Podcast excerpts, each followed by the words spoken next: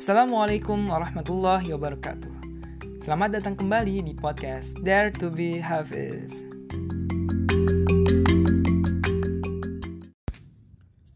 أعوذ بالله من الشيطان الرجيم يا أيها الذين آمنوا إذا قمتم إلى الصلاة فاغسلوا وجوهكم وأيديكم إلى المرافق وامسحوا برؤوسكم وأرجلكم إلى الكعبين وإن كنتم جنبا فاطهروا وإن كنتم مرضى أو على سفر أو جاء أحد منكم من الغائط أو لامستم النساء فلم تجدوا ماءً فلم تجدوا ماء فتيمموا صعيدا طيبا فامسحوا بوجوهكم وأيديكم منه ما يريد الله ليجعل عليكم من حرج ولكن يريد ليطهركم وليتم نعمته عليكم لعلكم تشكرون Aku berlindung kepada Allah dari godaan syaitan yang terkutuk.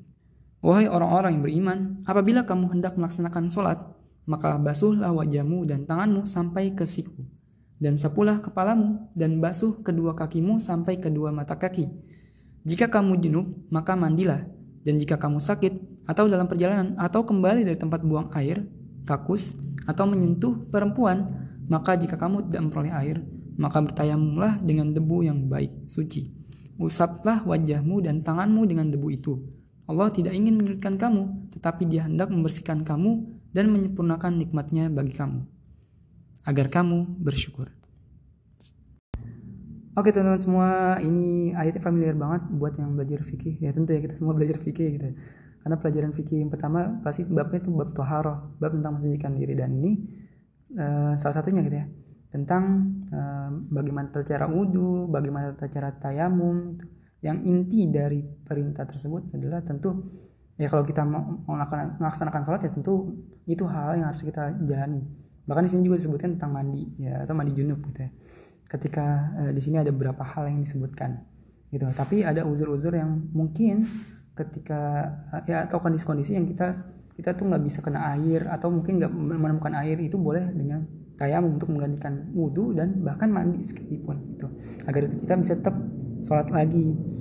Nah di sini uh, yang menjadi apa yang menjadi bukan tujuan ya atau faidah mungkin ya faidah dari wudhu mandi ataupun tayamum itu sendiri ya di sini Allah menuliskan atau menyebutkan yaitu membersihkan kamu menyempurnakan nikmatnya.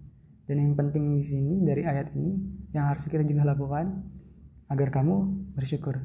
Jadi ketika wudhu ketika habis tayamum gitu ya istilah pengen sholat segala macamnya itu kan akhirnya diri kita bersih kembali. Bahkan e, beberapa riwayat gitu beberapa uh, pelajaran yang sering kita dapetin dulu juga ketika berwudhu itu itu dosa-dosa kita juga digugurkan seiring dengan uh, air wudhu yang terjatuh gitu ya, dari sisa, uh, sisa air wudhu yang dari anggota badan kita gitu ya itu menggugurkan dosa. Maka dengan nikmat itulah harusnya kita juga mensyukuri nikmat-nikmat yang Allah berikan.